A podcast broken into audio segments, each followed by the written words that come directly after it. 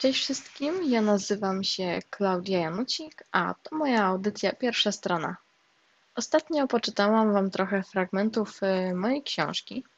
E, były to fragmenty z pierwszego rozdziału. Oczywiście mam nadzieję, że Wam się spodobały na tyle, że pamiętacie je teraz i że trochę zafascynowała Was moja książka. A dlaczego teraz w ogóle o nich wspominam? Pamiętanie o tych fragmentach może być dzisiaj przydatne, mm, a to dlatego, że chciałam troszeczkę w nawiązaniu właśnie do tamtych fragmentów opowiedzieć Wam, e, jak e, konkretnie wyglądało mnie pisanie, e, jak ja to robię, jak się do tego zabieram, na czym się skupiam, co jest dla mnie ważne, co jest mniej ważne. I też chciałam poruszyć temat e, wymyślania nazw, e, właśnie też w nawiązaniu do języka, który wymyśliłam na potrzeby powieści, o którym też mam nadzieję, że oczywiście pamiętacie. Ufam, że tak jest. A jeśli jest inaczej, to tą kwestię zostawiam już e, Waszemu osobistemu sumieniu. A my już przechodzimy do głównego tematu audycji. No więc myślę, że zacznę od kwestii e, nadawania nazw, wymyślania tych nazw, mm, bo po prostu to jest coś, o czym najbardziej chcę dzisiaj powiedzieć i chcę się na pewno z tym wyrobić. E, specjalnie na tą okazję wyjęłam z szuflady swój notatniczek ze słowniczkiem i też z notatkami, które zawierają treści o tworzeniu tych nazw. No więc tak, E, opowiem e, Wam o tym na przykładzie e, Andevana. Jest to jedna z postaci, istot, które wymyśliłam właśnie na potrzeby powieści. Jest to swego rodzaju duch, ogromny wąż zamieszkujący rzekę Niar, o której Wam ostatnio wspomniałam. No i jest to taki duch, który po prostu strzeże tej krainy coś tego typu. E, jego nazwę wzięłam z tłumaczenia innych języków. E, mam tutaj przed sobą e, całą tabelkę, mm, w której mam wypisane tłumaczenia z 14 języków. Są to tłumaczenia do słów woda, duch i wąż. Stwierdziłam, że to są chyba najlepsze e, słowa, e, na podstawie których mogę zaczerpnąć e, nazwę tego węża. No i ta tabelka wygląda w ten sposób, że na górze mm, właśnie są popisane te woda, duch, wąż. Po lewej od góry do dołu są wymienione języki takie jak szwedzki, islandzki, łacina, norweski, portugalski, walijski i inne. Zaczęłam sobie po prostu wyszukiwać tłumaczeń w translatorze Google. No i wypisując te wszystkie e, słówka obcojęzyczne, e, tak wodziłam po nich wzrokiem i zastanawiałam się, jaka e, zbitka tych słów byłaby najlepsza dla nazwy tego ducha. I z tego właśnie powstały takie nazwy jak um, Serpenton, albo Sandevan, czy też Sukwo. Chyba zgodzicie się ze mną, że za, żadna z tych y, wymienionych nie brzmi tak, nie jest taka chwytliwa. No i w końcu wpadłam na taką zbitkę jak Andevan. I jest to zbitka e, słów Ande z szwedzkiego duch, no i Van z norweskiego woda. Wydaje mi się, że z tych wszystkich możliwych e, to jest faktycznie najlepsze i najbardziej mi się podoba. Nie wiem, czy zrozumiecie o co mi chodzi i czy sami też możecie, może macie takie przeczucie, ale mi się kojarzy to, ta nazwa tak trochę majestatycznie. Mm, e, tak idealnie e, pasująca, jest taka idealnie pasująca do tego ducha i taka po prostu godna jego. No bo wiecie, to jest naprawdę kolosalny wąż, mm, taki duch obrońca tej krainy.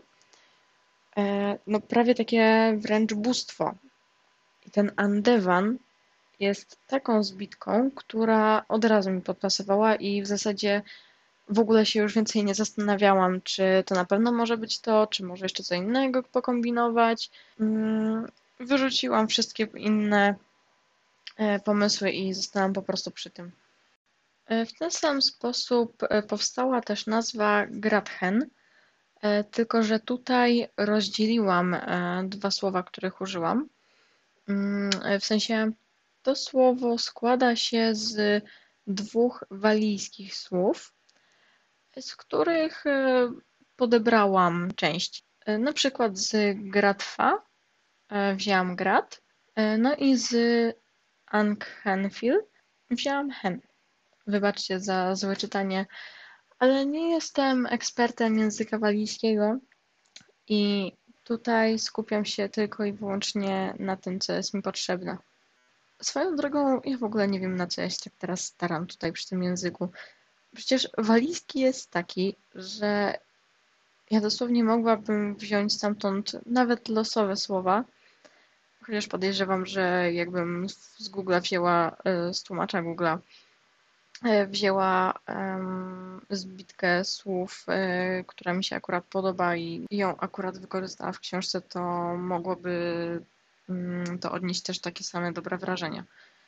Chyba mówiłam ostatnio, że to właśnie walijski jest takim językiem uznawanym za język elfów, prawda? E, nie wszystkie e, takie nazwy brałam z tłumaczeń.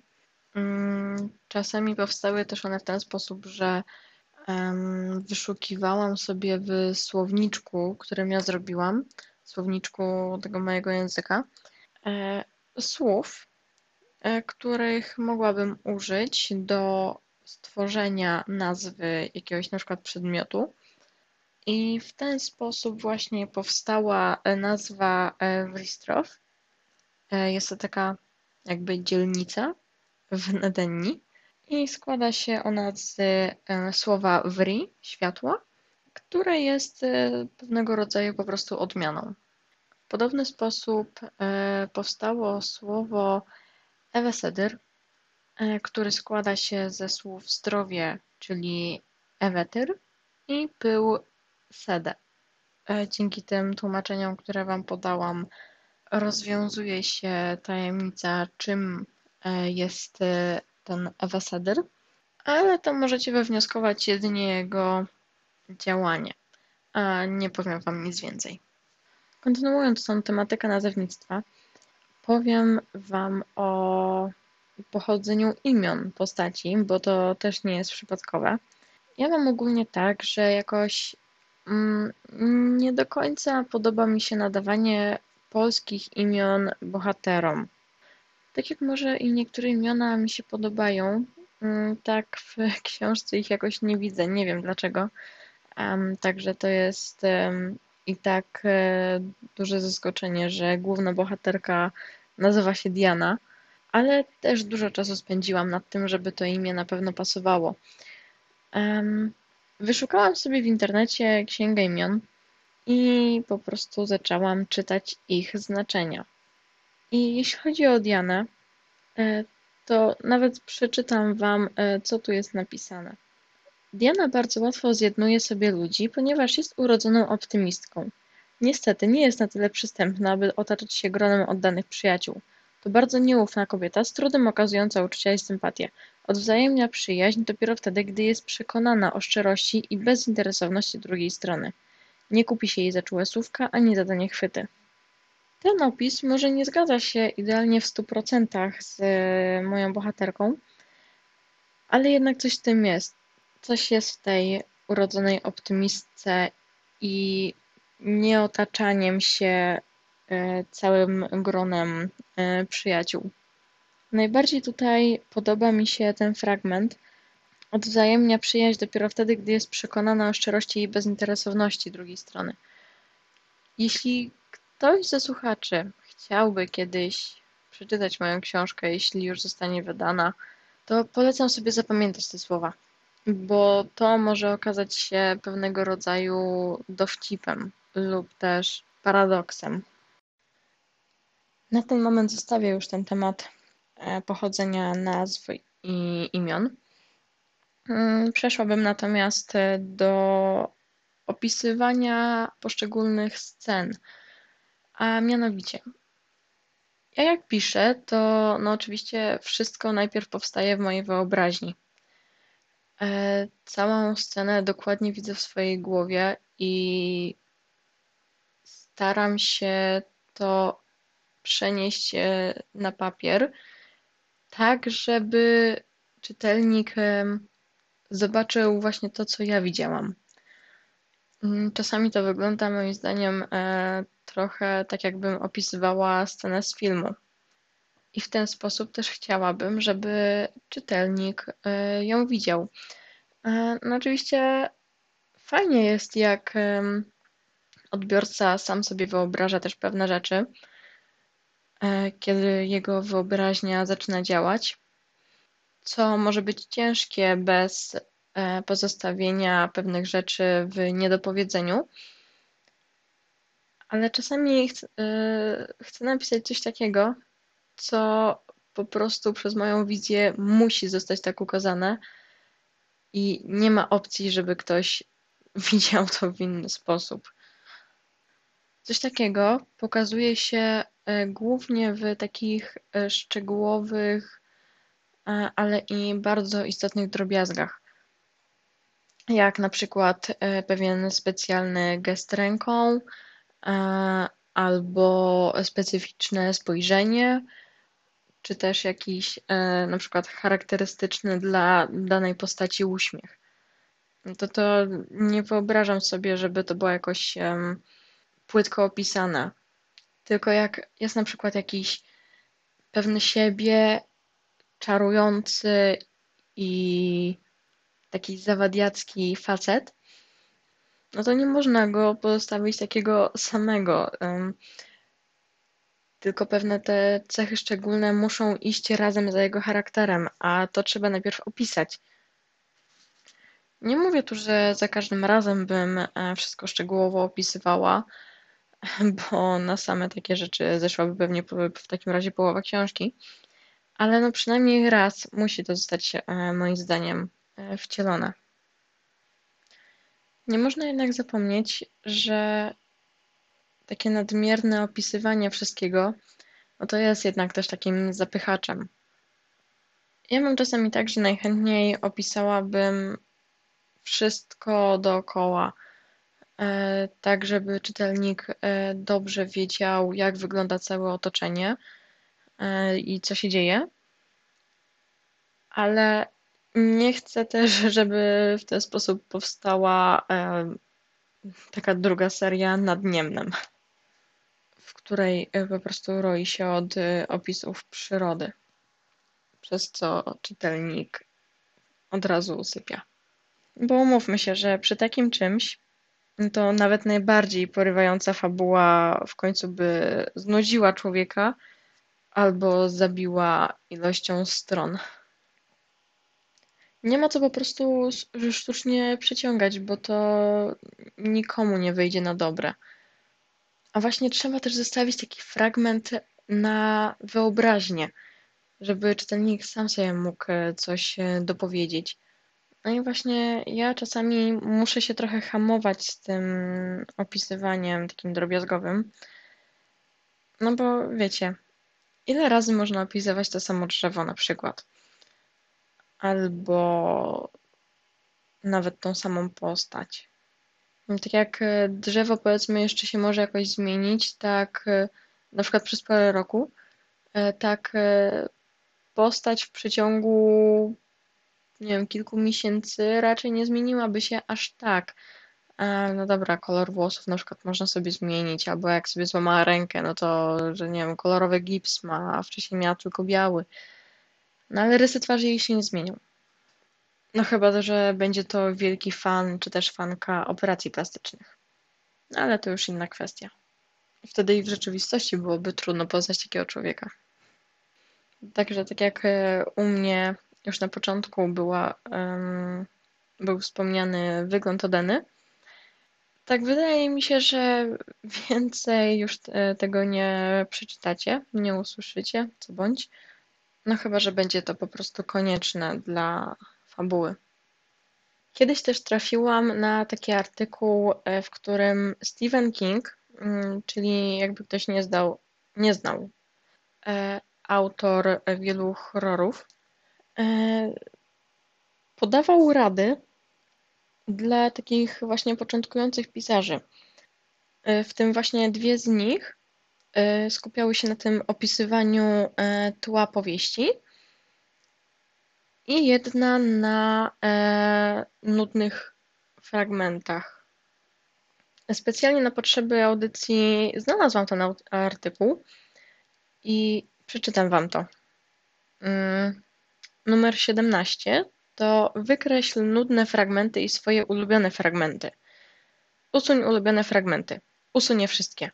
Nawet jeśli łamie to Twoje egocentryczne serce e, pismaka, usunie.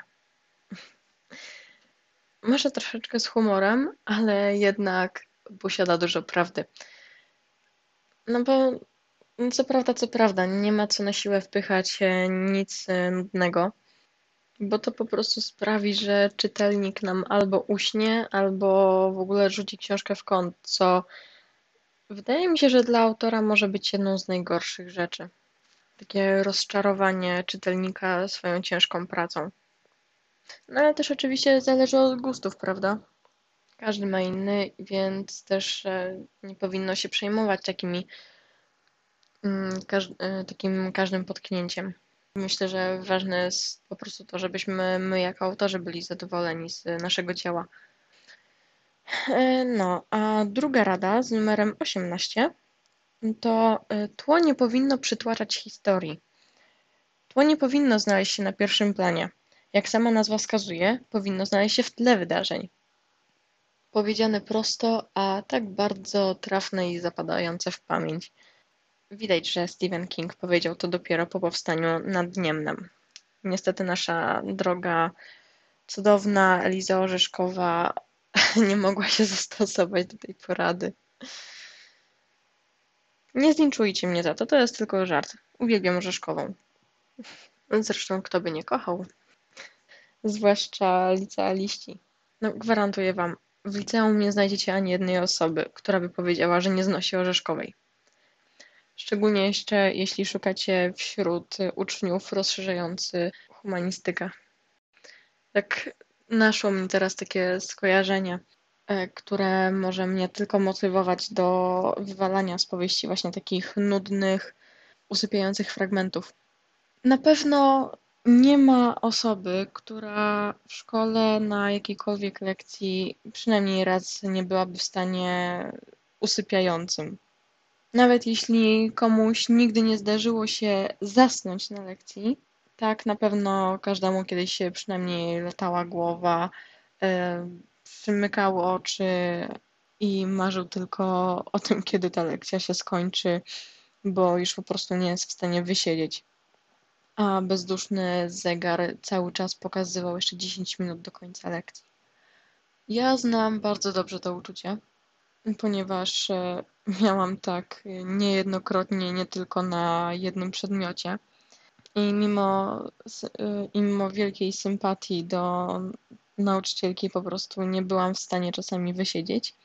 Tak więc pamiętając to uczucie, nie chcę, żeby tak miała osoba, która czytałaby moje dzieło, która zamiast bawić się przy czytaniu mojej ciężkiej pracy, marzyłaby tylko o wywaleniu jej przez okno i nie dotykaniu nigdy więcej. Oczywiście do stwierdzenia, czy dany fragment jest nudny, zapewne będę potrzebowała osoby trzeciej, ale z tym akurat chyba nie powinno być problemu. Na szczęście mój chłopak jest taki, że absolutnie nie będzie miał problemu w, z powiedzeniem mi takiej prawdy. Żeby nie było, jestem oczywiście mu za to wdzięczna. Nie widzę sensu w sztucznym chwaleniu. Czas oczywiście jak zwykle goni nieubłaganie, więc e, nadeszła nasza pora na rozstanie. O, nawet wyszedł mi ładny rym. um, Mam nadzieję, że nie było nudno, że bawiliście się przy słuchaniu. A tymczasem przypominam ponownie, jak zwykle, na koniec o Facebooku Radio Pałac, o moim Facebooku. Jakby ktoś miał jakiekolwiek pytanka, to śmiało możecie pisać. Jestem otwarta na, na różne propozycje, czy też na konstruktywną krytykę. Dziękuję Wam bardzo za poświęcenie swojego cennego czasu na odsłuchanie mojej gadaniny. No i do usłyszenia.